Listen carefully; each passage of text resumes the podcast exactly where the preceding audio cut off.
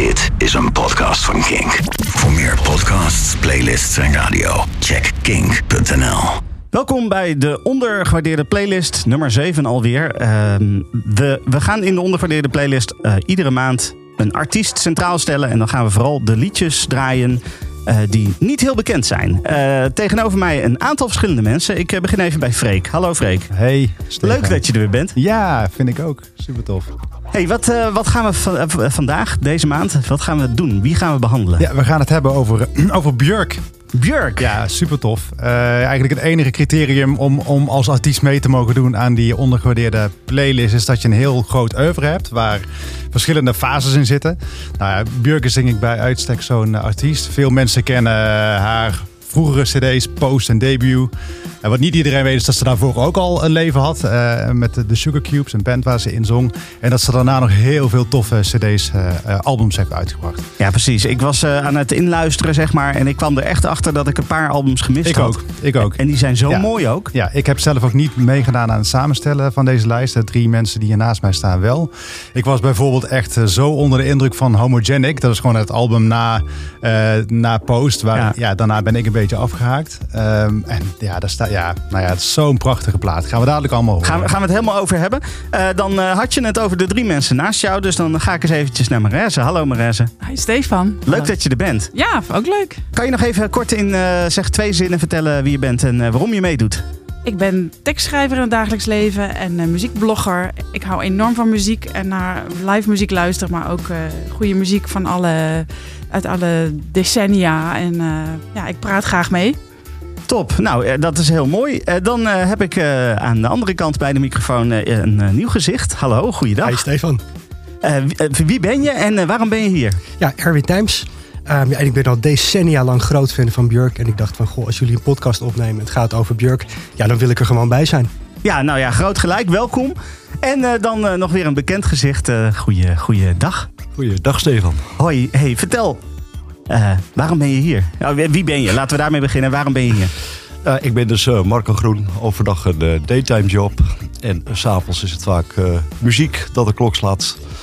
En ja, ik doe mee met de Björk Challenge. Omdat artiesten die van platgetreden paden afgaan, daar heb ik sowieso een voorliefde voor.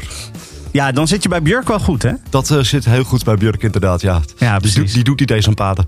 Nee, nee, die doet niet aan paden. Nee, precies. Nou, dat is heel mooi dat je er bent, dat jullie er allemaal zijn. Uh, laten we meteen eerst maar eventjes beginnen met muziek. En dan gaan we het daarna hebben over nou ja, alles wat er bij Björk hoort.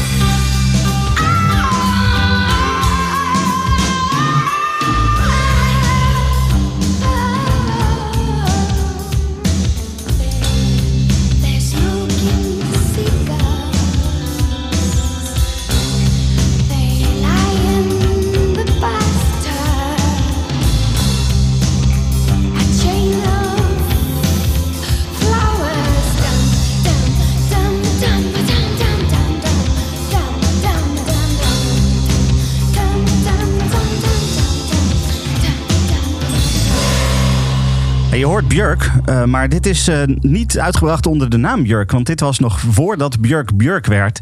Um, om het maar even zo te zeggen. Um, um, dit was uh, Sugar Cubes met Birthday. Marco, had jij daar een mooi verhaal bij? Nou, een mooi verhaal. al zich, de Sugar Cubes werden destijds geplukt door een hele grote muziekmeneer in, in Engeland, John Peel. En die heeft wel meer mensen groot gemaakt natuurlijk. Ja, en uh, ja, mede dankzij deze meneer is uh, Björk wel een uh, bekend mooi plaatje geworden in, in Europa en de rest van de wereld. Ja, precies. Ja, John Peel is natuurlijk een legende. Absoluut. die, ja, die heeft heel veel muziek groot gemaakt. Ja, dat, dat, ik heb hem al vergeleken met de advisser van, van Nederland. Zeg maar. ja, ja ik weet niet of die nou ja, de vergelijking helemaal op gaat, laat ik het zo zeggen. Nee, John Peel is toch wel van een ander niveau, zeg maar. Dat ja, is Premier League. Ja, ja, precies. Um, maar goed, ja, dus uh, birthday van, van de Sugar Cubes. Uh, Erwin, uh, jij wou er ook wat over zeggen volgens mij. Ja, ja, je hoort het zit nog wat meer tegen de poprock aan. Um, ik had er niet zoveel mee met de Sugar Cubes. een vriend van me zei ooit van ja, de Sugar Cubes, Björk is leuk, ze zingt goed. Maar ze zou eigenlijk solo moeten, want die andere artiesten, ja, daar heb ik gewoon niks mee. Daar, die schreeuwden maar een beetje doorheen. En ik was het eigenlijk ook wel met hem eens toen. En wat wel leuk is, is dat ze in die tijd al ook bezig was met elektronische muziek. Uh, ze heeft een album opgenomen met uh, 808 State. Waarbij zij de, de uh, teksten deed op het album. Ja, en daar had ze dus al grote, diepe vriendschappen. En haar invloeden waren al duidelijk merkbaar daarin. Ja. En daar heeft ze later natuurlijk op voortgeborduurd. Ja, precies. Want op een gegeven moment komt het, het debuutalbum uit van Björk. Um, grappig genoeg getiteld Debut. Ja, briljant. uh, ja, uh, daar, je weet meteen waar de naam vandaan komt, zeg maar. Ja, dat had ze goed, uh, goed geschoten. Ja, toch? Ja, precies. um, en nou ja, daar, daar gaan we nu een, een, liedje van draaien. namelijk Violently Happy. Ja, geweldig nummer. Ik vind het vooral heel sterk omdat het zo jong en zo springerig en zo fris is. Het, het stuit uit alle kanten op en je wordt er heel blij van. En ook, er staan nog meer nummers uh, op dat album die ook een beetje die, die vibe hebben. There's More to Life Than This en Big Time Sensuality hebben allemaal dat, dat lekkere, energieke, springerige. En uh, ja, het is ook een beetje de soundtrack van het begin van mijn studententijd. Ik draaide dit heel veel op mijn studentenkamer. En het, past ook heel goed in die tijd dat ik heb begon met studeren. De wereld ligt voor je open, alles is mogelijk. En dat, ja, dat zit hier helemaal in. Dus ik vind het een heerlijk, nog steeds een heerlijk album naar te luisteren. Ja, dat kan ik me helemaal voorstellen. Het is, het is ook een album, moet ik zeggen. Want ik kom natuurlijk ook een beetje, ik heb een beetje een dance-achtergrond. Uh, er, er, kwamen heel veel remixes, uh, een beetje club-georiënteerde remixes. die gewoon in de discotheken en zo in de clubs gedraaid werden. Uh, waardoor Björk niet alleen zeg maar, op de radio het goed deed, maar ook in de club het goed deed. Weliswaar in een andere uitvoering. Ja. maar dat dansbare zat er natuurlijk heel sterk ja. in destijds bij Debut. Ja, enorm. Ja. ja. Marco, jij, had jij ook nog iets over Finally Happy toevallig? Nou, eigenlijk meer over het uh, album aan zich. Het hele album, ja. Uh, uit 1993. Uh, het is door NMI, een gerenommeerd muziekblad, is het verkozen tot Album of the Year in, in die tijd. En ja, de concurrentie was vrij groot. in Utro van... Nirvana. Nirvana, ja. dankjewel, kwam uit. Sweet had een album uitgebracht. Modern Life is Rubbish van Blur. Pablo Hardy van de bands die wij wel kennen. Ja. Ja, en uh, zij, zij werd verkozen tot het beste album. Dus ja, het is nogal een debuut, zeg maar. Ja, dat is, dat is inderdaad flink. Want als je dus hoort dat dat allemaal op hetzelfde moment is uitgekomen, zo'n beetje. Ja, precies. Eh, Sowieso een mooi jaar als ik het uh, zo voor me heb. Ja, precies. Precies. Nou ja, laten we, laten we Violently Happy even gaan luisteren. Dit is Björk.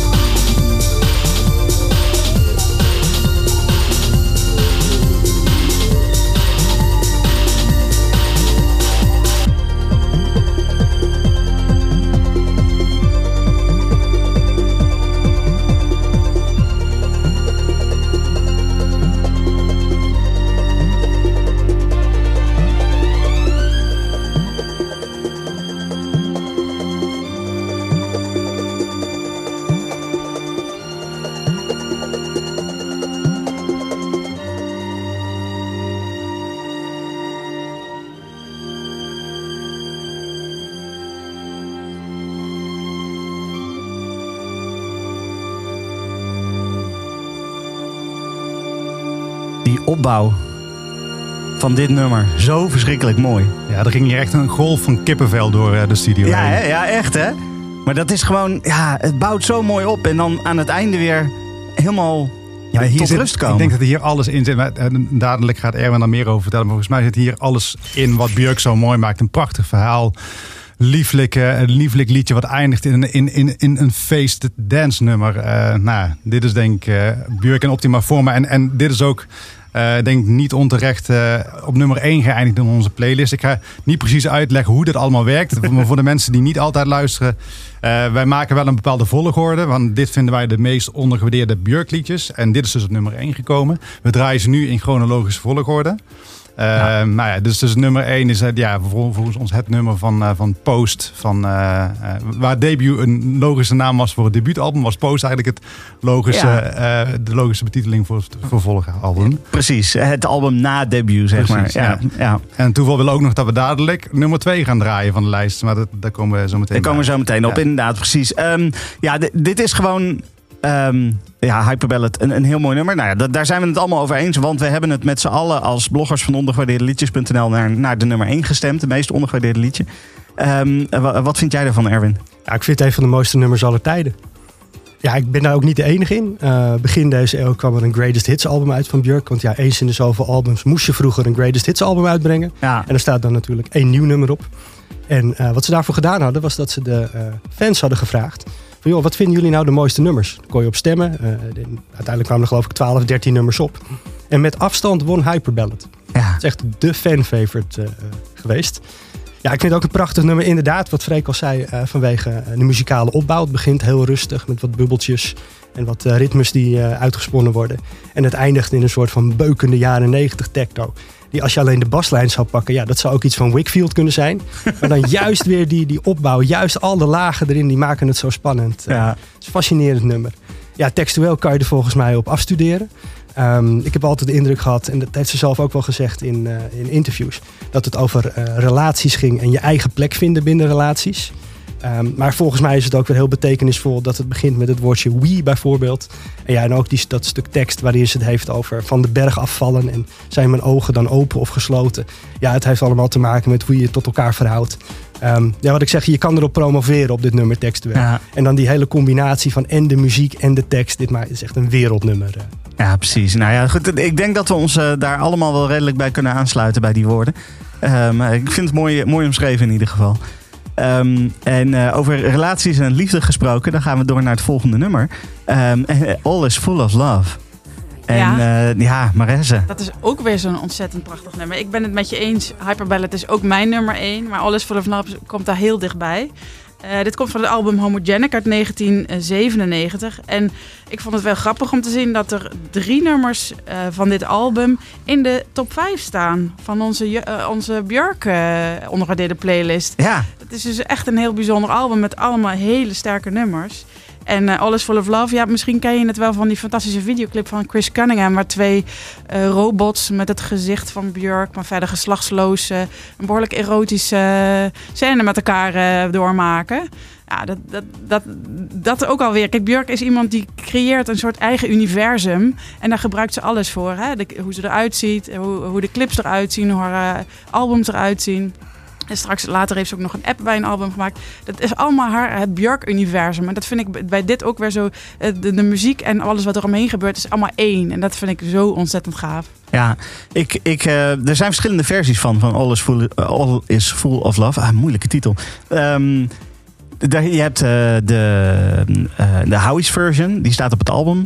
Ja. Je hebt nou ja, iets zonder, zonder, zo- zonder achtervoegsel. Ehm, En die, die hadden we in eerste instantie eh, los in de lijst eh, staan. ja. Ehm, en ik heb de, op een gegeven moment hadden we daar overleg over. Of moeten we die samenvoegen? En toen hebben we gezegd, ja, laten we die samenvoegen. Maar toen heb ik er wel bij gezegd van, dan wil ik wel Howie's version draaien. Want die vind ik zo echt wel het mooiste. tuurlijk. Dus laten we... eh, eh, Marco, heb jij nog iets te vertellen over Ja. All, is full, All is Full of Love? Ja, de symboliek van de All is Full of Love is eh, ook helemaal geweldig. Eh, het staat eigenlijk eh, in combinatie met een ander geweldig nummer van dezelfde CD. Dat is eh, Pluto.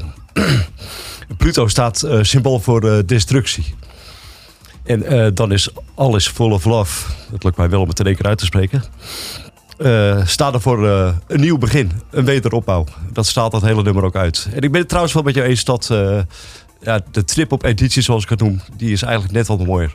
Ja. Vind ik. Ja, precies. Howie's version dus. Van All is Full of Love. Nou, we gaan hem lekker draaien, want wat mooi dit.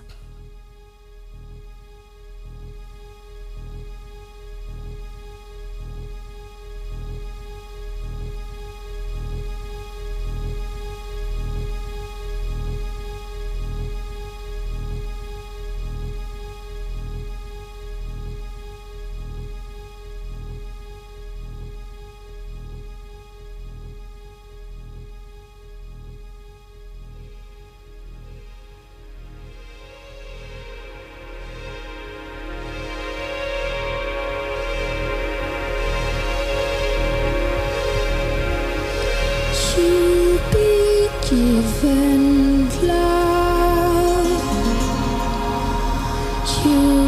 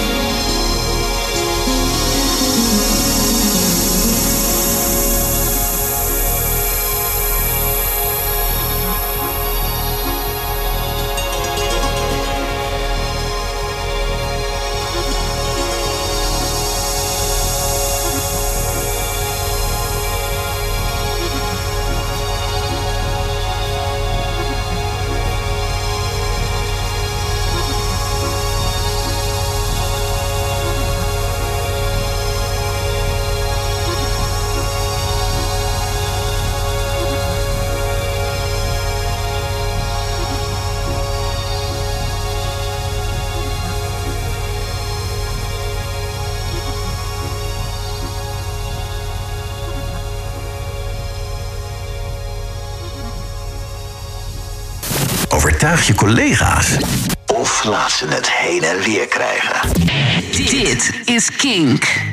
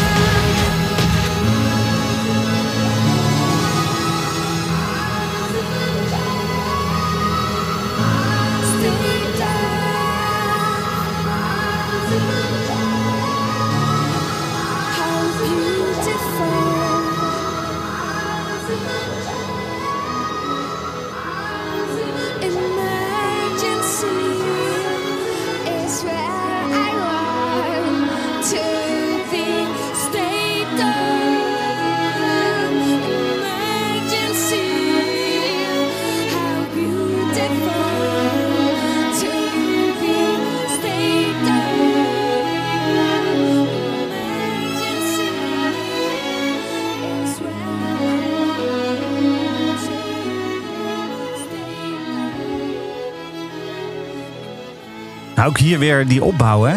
Ja, Dat is echt gewoon... Ze is meesteres in ze zo prachtige goed. opbouw eh, van, van liedjes, zeg en ook maar. je ziet gewoon de vlakte van IJsland voor je. Ja, hè, ja, door die precies. strijkers Ja. het waanzinnig. Ja, ze kan dat heel goed. eh, daar, daar is ze echt heel goed in.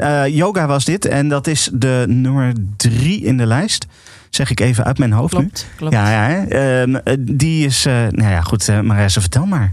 Nou ja, ik vind het een, ongelooflijk dat er in deze lijst drie nummers van hetzelfde album eh, in de top 5 staan. Dat betekent dat het een ijzersterk album is. En toch is het niet mijn favoriete album van Björk. Ik vind het net iets te cool, net iets te afstandelijk. Ik bedoel, prachtige nummers, maar het raakt mij minder dan bijvoorbeeld Post. Eh, waarom dat in zit, geen idee. Maar misschien kan Erwin daar iets eh, zinvols over zeggen. Ja, misschien. Ik weet het niet. Ehm, ja, ik vind het juist een prachtig album. Het is een tijd lang een van mijn favoriete albums. Of mijn favoriete album van Björk geweest. Ehm, inderdaad, wat je zegt, het heeft iets IJslands in zich. Je hoort eh, op het nummers hoor je die bubbels vanuit de grond komen, als het ware. Je ziet die wijdse landschappen met de strijkers. Ja, dit heeft ook iets melancholisch. Het is een complex album, maar het, het spreekt wel eh, zowel intellectueel als emotioneel ontzettend aan bij me. Ja. En drie nummers. Ja, het komt misschien ook doordat er gewoon ontzettend veel albums van Post op de blacklist, eh, of ontzettend veel nummers van Post geblacklist waren, omdat ze zo bekend waren. Ja, dat is Ik waar. denk dat misschien anders Post wel heel hoog was geëindigd. Ja, want dat is, kunnen, we, kunnen we tot de conclusie komen dat eigenlijk na Post eh Björk een beetje verdwenen is uit het, eh, uit het eh, hitlijstenbeeld?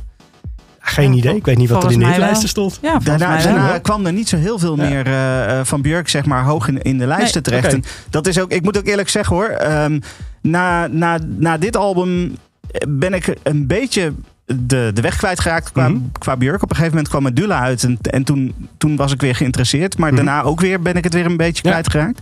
Het, ehm, ja, ze was, ze was niet meer zo. eh, ze maakte niet meer muziek voor de, voor de massa. Zeg Nee, maar. nee, dat zou goed kunnen. Ja, ik heb altijd het idee gehad dat eh debuut en posten dat de albums waren waarop ze probeerden te leren van anderen. En dus ze werkte met Howie B, met Nelly Hooper. En het ging stilistisch alle kanten op, van, van big band tot eh, die techno aan het eind van Hyperballad. Eh, en dat ze daarna een beetje haar eigen geluid heeft gevonden. En zichzelf steeds wilde vernieuwen in dat geluid. Dus homogenic, ja, het is ook, het is ook homogeen. Hè? Ik bedoel, daarom heet het ook zo. Het is Ja. een bepaalde stijl en het gaat niet meer alle kanten op. Ehm, en dat was haar stijl op dat moment. Ja, precies. Eh, we hebben nog één nummer eh, van, eh, van dat album te gaan. omdat het ook in de top 5 staat. Normaal gesproken draaien we niet zoveel van één album. Maar in dit geval moesten we eigenlijk wel. Want ja, er stond gewoon zoveel zo hoog in de lijst. En dat is, ehm, even kijken, I've Seen It All. het is Ehm, Unravel Oh, volgens mij. sorry, Unravel. Heb ik hem verkeerd omgedaan? Ja, Ja, je hebt gelijk. Je hebt gelijk. Unravel. Ja, en Unravel, dat is weer zo'n zo'n typisch Björk-nummer. Dus je zit helemaal in haar wereld. Je zit in, op haar eilandje, zeg maar. Ze komt niet voor niets van een eiland. eh, waar zij haar geluiden maakt. Een beetje cocoonerig. En Daarna op Vespertine stond ook daadwerkelijk een nummer dat Cocoon heette. En dat heb ik ook bij dit nummer. Je, je gaat een beetje op je bank zitten. Je kruipt in foetushouding. En je luistert naar dit nummer. Ja, precies. Nou, laten we, laten we dan even gaan zitten. Even rustig zitten.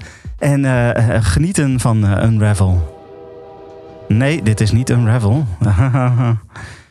Ik wil deze graag draaien.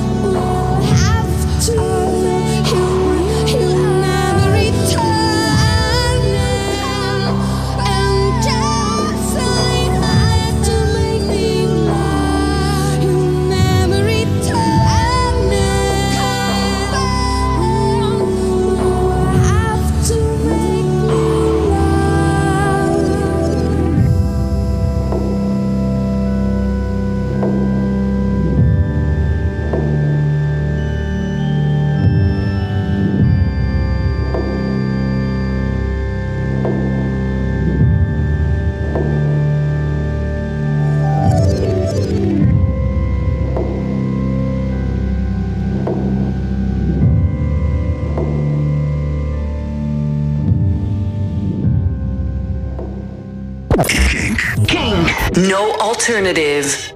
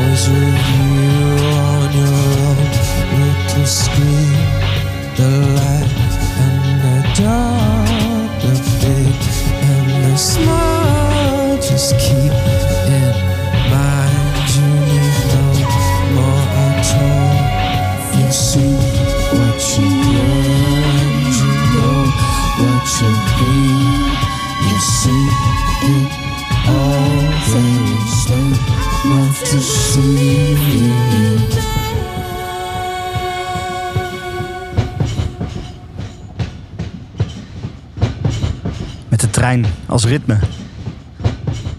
I've seen it all van Björk. Ehm, Marco. Ja, hier word ik pas echt heel erg enthousiast van. Ja? Ja, eh, dit is... eh I've Seen It All komt van Selma Songs. En dat is eh, de soundtrack van een van mijn favoriete filmmakers, Lars von Trier. En die maakt heel beklemmende films. Ik, ik vertelde net al, als jij een film van Lars von Trier hebt gezien... dan heb je nooit zoiets van, dit was lekker, dit was leuk. Het is altijd heel... Ja, wat ik al zei, beklemmend, moeilijk, eh, lastige sociale patronen, mensen die elkaar het leven zuur maken. En, en dit was er ook eentje. Ja. En dit was dan ook weer een film waar eh Björk zelf de hoofdrol in speelt als Selma. Ja, want dat kan ze ook nog. Wat zeg je? Dat kan ze ook nog. De, fi- in een film spelen. Nou, het was eenmalig. ja, dat wel hè? Ja, het, het, was, eh, het drukte te zwaar op haar. Ze ging te veel op, in de rol eh, op. En ze heeft dus daarna gezegd van... het was heel leuk, maar dit ga ik nooit meer doen. Nee, ja precies. Maar ze doet dat dus eh, en spelen. En ook nog eens de muziek eh ervoor, in, ervoor maken. in, in dit geval met een eh, oude bekende van ons. ja, precies. Precies. Tom York van Radiohead. En in mijn optiek, als ik dit nummer hoor... nou, dan laat Björk duidelijk merken wat voor klasse zij heeft. York wordt echt, ja, in mijn optiek gedegradeerd in dit nummer. ja. Ja, dat is heftig. Ja, absoluut. Dat, dat zegt natuurlijk heel veel. Zij kan zoveel met haar stem. Ze, ze heeft zo'n enorm bereik en ze weet zo op je gevoel te spelen. Ja. En ja, York heeft dat blijkbaar toch wat minder. Ja, dat is duidelijk dan. Dat Sorry, duidelijk. Ja, ja, ja, opperhoofd uh, ondergewaardeerde liedjes. Freek, eh, die zit eh, toch een beetje bedenkelijk te kijken nu. Eh, we, staan je niet. Dan moet je toch echt even naar de microfoon lopen. Hij, wil het niet herhalen, zeker. Nee. Goed, ehm, dat was I've Seen It All. En eh, dan gaan we verder met, met Hidden Place. Eh, Erwin. Ja, Hidden Place van Vespertine. Eh Björk heeft Vespertine opgenomen tijdens het schieten, het draaien van Dancer in the Dark, dus de, de film. Ehm, ze zijn daarvoor eerst naar Kopenhagen verhuisd, waar ook de film werd opgenomen. Lars van Trier is natuurlijk een Deen. En ja, misschien wel als ontspanning of als ontlading heeft ze Vespertine langzaamaan opgenomen. Eh zij heeft ook de hulp ingeroepen van een aantal weer uberhippe eh, producers en geluidsproducenten. Want in der tijd had je de microbeats. En dat waren zeg maar gewoon alledaagse geluiden. Een schaar of wat, een stapeltje papier dat je eh, door je handen laat gaan. En dat verknipte je dan zo dat je er beats mee kon maken. Nou, dat is, heeft zij ook gedaan. Ze had een ap- apart apparaatje voor. Er is ook nog een documentaire ooit gemaakt. Dus misschien was het de moeite waard om te kijken over hoe ze dat gedaan heeft. Ze had een soort van iPad-achtig ding, maar dan wat groter. Waar ze eh, die geluiden mee combineerde. En ze is bij elkaar een paar jaar bezig geweest om de basis voor de beats te leggen voor Vespertine. Nou, natuurlijk een ontzettend mooie ontspanning als je de hele dag ruzie hebt met je regisseur. eh, omdat je emotioneel te diep in de film zit. Ehm, ja, en zo is dus ook eh, het hele album langzaamaan tot stand gekomen. Ehm, Hidden Place, ja, ik vind het ook een beetje een, een, een Björk-titel. ik vind sowieso, Björk heeft een soort van, van Hidden Place, een eilandje ergens waarop zij haar eigen wereld heeft, haar eigen geluiden maakt en af en toe mensen ontvangt die wat kunnen bijdragen aan dat geluid. En daar gaat ze dan heel diep over nadenken en heel diep bij voelen. En daar schrijft ze de teksten uit, eh, is mijn beeld van Björk.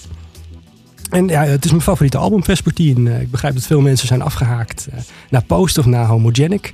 Uh, maar ik vind het juist briljant door de wijze waarop die beats gemaakt zijn. Uh, en ja, toch de, de, de intieme setting.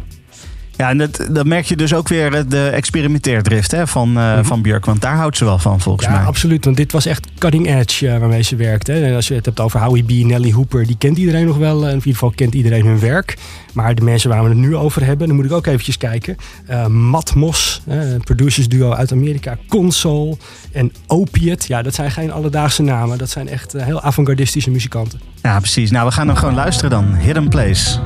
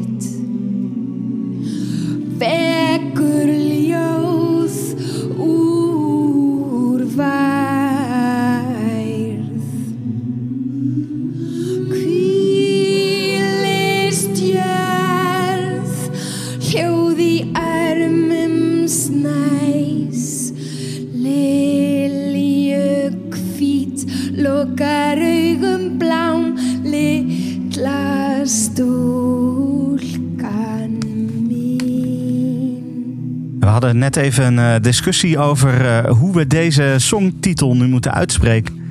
Eh, Marco, Nou, wat dat, was het dat mag, verdict? Ed, dat mag Erwin nog één keer voordoen. Want volgens mij, als u zegt Workuro, dan, dan, dan is dat hem niet. Dan is dat hem alweer Ja, niet. volgens mij zit je dicht in de buurt. Volgens mij is het Weukuro. Vekuro. Oké, duidelijk.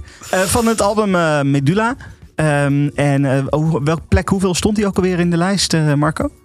Ik durf dat even niet te zeggen. Maar jij bent nu aan het kijken. Ik nummer nummer 7. Nummer 7. Ja. Oké, hij stond op 7, Stefan. Op z'n- Dankjewel, Marco.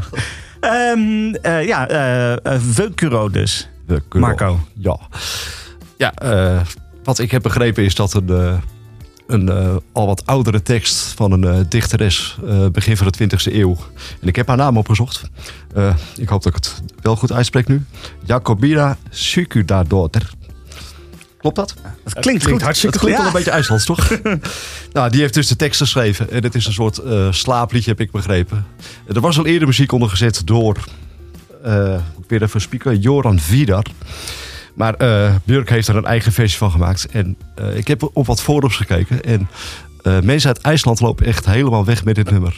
Oké. Ja, Dus dit is specifiek in IJsland eh, een, een hele populair nummer. ja het is in het IJslands. Dus Ja, ja, ja, precies. Ja, ja. vrij makkelijk. Oké, ehm, en Erwin, eh, nou ja, jij wist sowieso. Hoe wist jij überhaupt hoe je dit uitspreekt dan?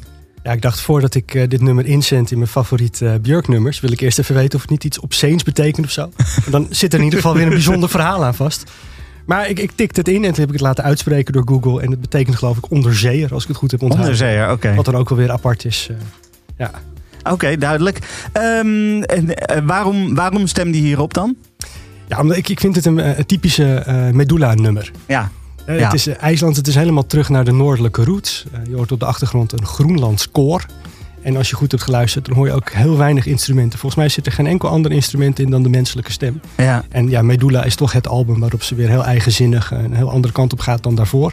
Vespertine was eh, met de microbeats en juist heel elektronisch. Ja. En dit is dan een album waarop de menselijke stem centraal staat. Ja, ik, ik, heb, eh, ik vertelde net al eventjes, ik heb eh, bij dit album ineens was ik weer eventjes helemaal terug. Eh, ik ik Mhm. eh, hoorde het en had meteen zoiets van, wow, dit is echt heel erg goed.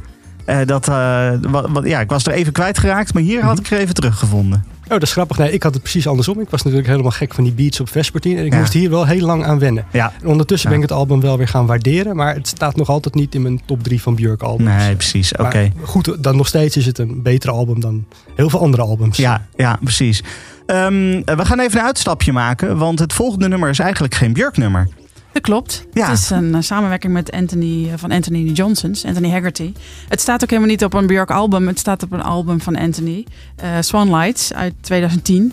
Eh, maar er zit ook een vrij groot gat tussen eh, Medulla uit 2004 en het volgende album. Dat komt pas uit 2011. Dus ze heeft allemaal andere leuke dingen gedaan in de tussentijd. Ja, precies. Ik, En- ik heb vanochtend voor het eerst dit nummer gehoord. Ik kende dit helemaal niet. Hoe kom je hier zomaar aan? Oh, dat is een goede vraag. Ik, volgens mij gewoon via Spotify luisteren, zoeken. Ah, Eh, nou ja, zo kom je wel eens wat tegen. Ja, Maar toen ik dit voor het eerst hoorde, ik was meteen betoverd. Het is zo'n bijzonder nummer. Het is zo. eh, ja, eh, het, het, het gaat ook helemaal nergens over, heb ik ontdekt. Het lijkt op IJslands wat ze zingt, hè? net als in het vorige nummer. Maar het is dus geen IJslands, het is een soort fantasietaal. Ik weet dat zij samen eh, aan dit nummer hebben zitten werken, Björk en Anthony. En wat ik ook wel zo mooi vind, dit zijn toch een beetje de buitenbeentjes van de popmuziek, deze Ja, mensen. ja. Het is toch heerlijk dat die met elkaar muziek gaan maken. ja precies. Ik vind dat prachtig. Maar ehm, zij heeft gewoon wat zanglijnen opgenomen, puur geïmproviseerd die ze mooi vond. En toen ging ze naar bed. En toen heeft eh, Anthony heeft daar wat piano eh onder gezet. En die heeft haar zangpartij aangevuld. En de volgende ochtend was dit het resultaat. Ja. En ja, het is wonderschoon. Ja, ja, absoluut, absoluut. Ik was helemaal betoverd toen ik eh, vanochtend aan het luisteren was. Ja, nou gelukkig. Ik ben zo blij dat hij in de lijst staat eh, op nummer 19. En ik ben ook zo blij dat we hem lekker gaan draaien. Ja, precies. Nou, dan gaan we lekker luisteren nu. Anthony en de Johnsons samen met Björk. Dit is Fletta.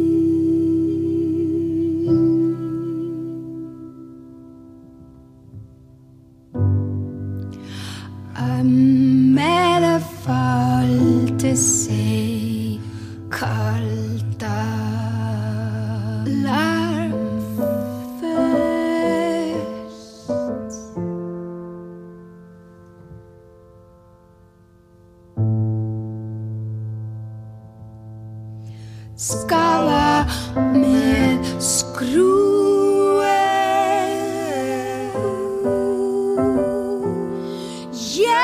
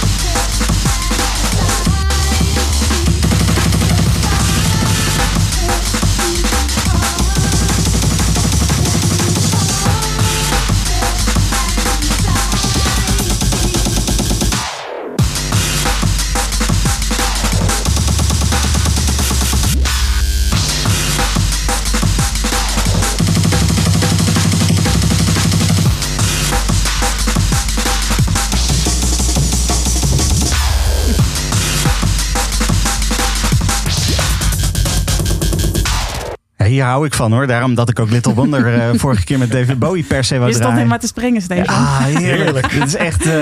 Ja, ik vind dit eh, heel erg lekker. Eh, Crystalline was dat. eh, Crystalline. Ja, Mareze. Ja, hier, dit is dus het album Biophilia uit 2011, waar die, waar die app bij zat. Ja, precies. Ja, dat was wel heel bijzonder. Ik heb die, de app destijds gedownload. Ik zag net in de App Store dat je hem nog steeds kan downloaden voor 14 euro. Dat, moet je best, dat is best de moeite waard. Het is leuk om te doen. Het kan volgens mij alleen op de iPhone en iMac, iPad. Maar ehm, dat, ja, je kon alle nummers downloaden, maar je kon ook... Het was heel visueel, grafisch, maar je kon ook met allerlei visuele had je dus ook de muzikale elementen uit de nummers te Ja. pakken. En kon je zelf soort composities maken met de elementen die Björk jou daarmee gaf. Oh, Was best wel tof. nice. nice. Wel 14 euro, maar Ja. wel de moeite waard. Dus. Maar dan heb je dus ook het hele album erbij. Ja, ja, oh ja, precies. Oké. Oké. Hey, we moesten nog even ergens op terugkomen volgens mij. Ja, ik had een foutje gemaakt. Nou ja, niet, ik, ik- had gezegd tussen 2004 en 2011 heeft ze niks gedaan. Dat klopt helemaal niet. Het was alleen de nummers die we hier in de lijst laten horen. Ja, ja precies. Ja, want we hebben dus eh, wat overgeslagen. We hebben album Volta overgeslagen. Ja, En eh, dat komt eigenlijk omdat er staan drie nummers van Volta in onze ondergewaardeerde playlist. Maar het hoogste eindigde op 33, dat is Wanderlust. En er zijn er nog twee nummers die eindigen op nummer 39 en nummer 40. En daarom heeft hij dus de, de playlist die we hier draaien helaas niet gehaald. nee, precies. Maar dat is dan. Dit is altijd een leuke metadiscussie die we dan gaan hebben. Is het dan een heel ondergewaardeerd album of juist een overgewaardeerd album?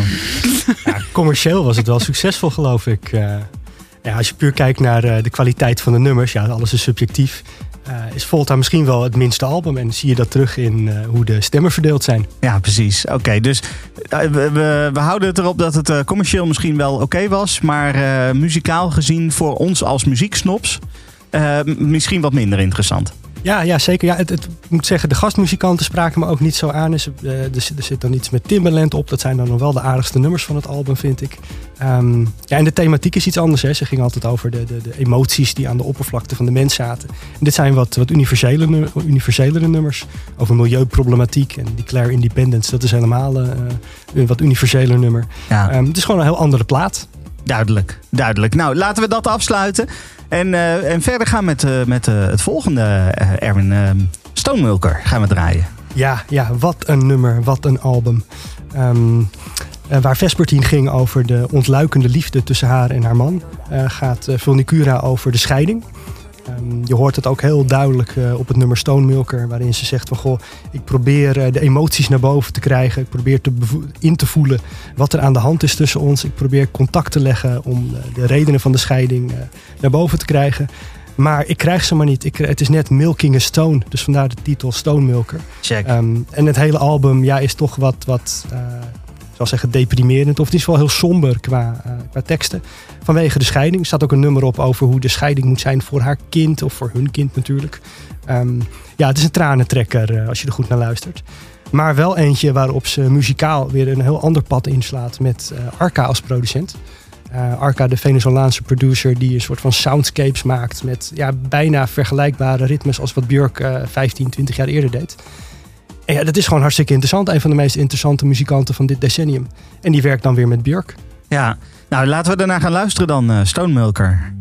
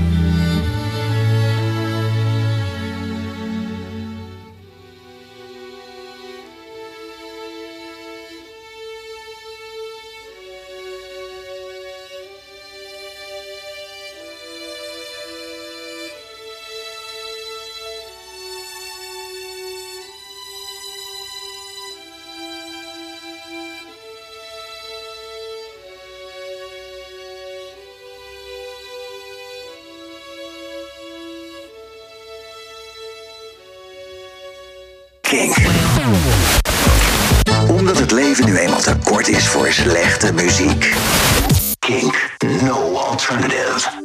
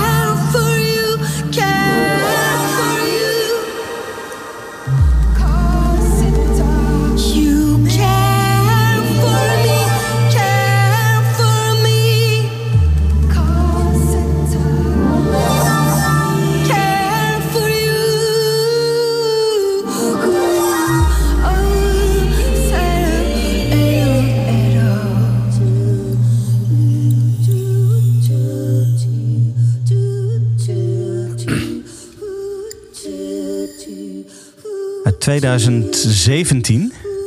The Gate. The Gate, ja. Ja. Er gaan geruchten dat eh Arthur D2, de bekende robot uit Star Wars, dat die daar een eh, bijdrage aan heeft geleverd. Want sommige mensen horen zijn eh tussen haakjes stem daarin. Oké. Maar nou ja, als je beter bent geïnformeerd of je luistert iets beter, ja, dan kom je erachter dat er eigenlijk meer vogelgeluiden in verwerkt zijn. Ja.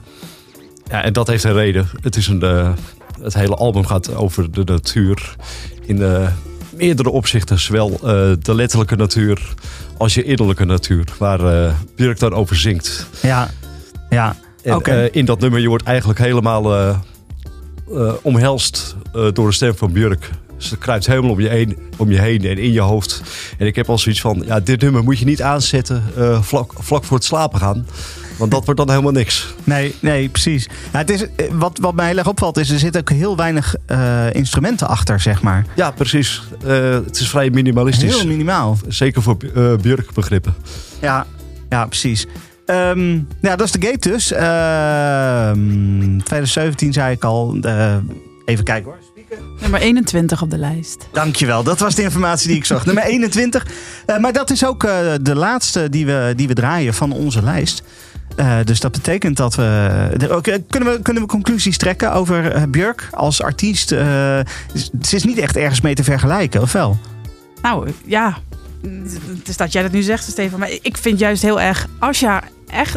Ze heeft natuurlijk haar eigen hokje, haar eigen eilandje, haar eigen universum. Maar als je haar met iemand zou willen vergelijken... die eigenzinnigheid, die avant-gardistische inslag... dat experimenteren, die drift... dan vind ik haar toch wel te vergelijken met David Bowie, durf ik wel te zeggen. Ja, Ja. ja. oké. Ja, die, die, snap ik wel. Die Ja, snap toch? ik wel, ja. Ja. Ja, het is muzikaal heel anders, maar Ja. qua, qua instelling en... eh, de- ja. Dat, dat com- compromisloze. Ja. Gewoon totaal maken wat je zelf wil met de mensen die je zelf uitkiest. En eh, ja, fuck de rest. Hij heeft, heeft misschien eh, Bowie nog iets meer een periode gehad waar, waarin hij echt hitjes probeerde te maken dan dat Björk dat ooit heeft Ja, gehad. ja, dat denk ik ook. Ja. Ja, ja, Ja. precies. Oké. Nou ja, eh, dankjewel allemaal eh, dat, dat jullie er waren eh, om het he- te hebben over de muziek van Björk. Ehm Freek, kan jij nog even kort een resume overflakke geven van de lijst? En Ja. dan vooral de, de bovenste. Ja, dat moet altijd. Hè? Ja. Even de top 10 eh, nog, nog voorlezen. Dus we hebben met z'n allen gestemd. En er is dan een top 40 uiteindelijk uitgekomen. Dat is eigenlijk een beetje toevallig dat het een top 40 was. Want Björk is niet heel erg top 40 veeg. Eh, maar op de tiende plek is, eh, er maar één nummer uit eh, van debuut. Of eh, debuut. De, de- de uitspraken, dat is wel een dingetje geweest vandaar. Ik, ik noem het altijd debuut. Eh, Finally Happy staat op 10 van, van dat eerste album. Op 9 Bachelorette van Homogenic. En daar heeft Marco nog met de pen bijgeschreven. Jammer. Omdat hij het heel jammer vindt dat dat niet gedraaid is. Dus ga het ook zeker luisteren in die, in die Spotify playlist. Eh, op 8 I've Seen It All van Selma Songs. Die hebben we net gehoord. Op 7 over uitspraken gesproken. Focuro van Medulla. Eh, op eh, zes eh, eentje waarvan ik het heel jammer vind dat die niet gedraaid is. Pluto van Homogenic. Oh, echt zo'n zo'n gr- gruw nummer. Zo'n eentje die onder je huid gaat zitten. Echt heerlijk is die. Ga die ook vooral luisteren. Dan eh Stone Milker hebben we net gehoord. Op vijf van Vulnicura. Dan drie nummers van Homogenic. Unravel op vier. Yoga op drie. All is Full of Love op twee. Ja, en onze eh, nummer één was Hyper Ballad. Hadden we al eh, geconcludeerd. Hè? Ja, precies. precies. Eh, wat een mooie lijst. Vanaf nu ook dus de Spotify-lijst te beluisteren en te checken op ondergewaardeerdeliedjes.nl. Eh, waar nou ja, iedere maand sowieso zeg maar als een soort van bijlage bij de podcast die, die playlist en wat, wat algemene informatie staat Ja. over de lijst. Klopt. Dan, eh, ja, dat was dan denk ik eh, het einde van deze eh, podcast. Ehm, we, we vertellen altijd aan het einde wat het onderwerp gaat worden van de volgende podcast. En eh Freek als opperhoofd ondergewaardeerde liedjes. Ja. Mag jij mij vertellen wat we, waar we het dan over gaan hebben? Ja, die knoop die hebben we echt net 30 seconden geleden doorgehakt. Eh, het wordt de volgende keer de Doors. En daar ben ik persoonlijk heel erg blij Cool. mee. Eh, dus echt, eh, ik zei net tegen jou, het is een eh, band die eh, mij en ik denk veel andere bloggers de puberteit eh, door heeft eh, ge- ge- ge- gehaald. Eh, of gewoon die echt een basis heeft gelegd voor een bepaalde liefde voor een bepaald soort muziek. Ik denk dat heel veel bands uit de, van de jaren 70, 80 tot nu door ze geïnspireerd zijn. Niet heel, heel, heel goed oeuvre, maar zes echte studioalbums, maar heel veel over te vertellen, denk ik.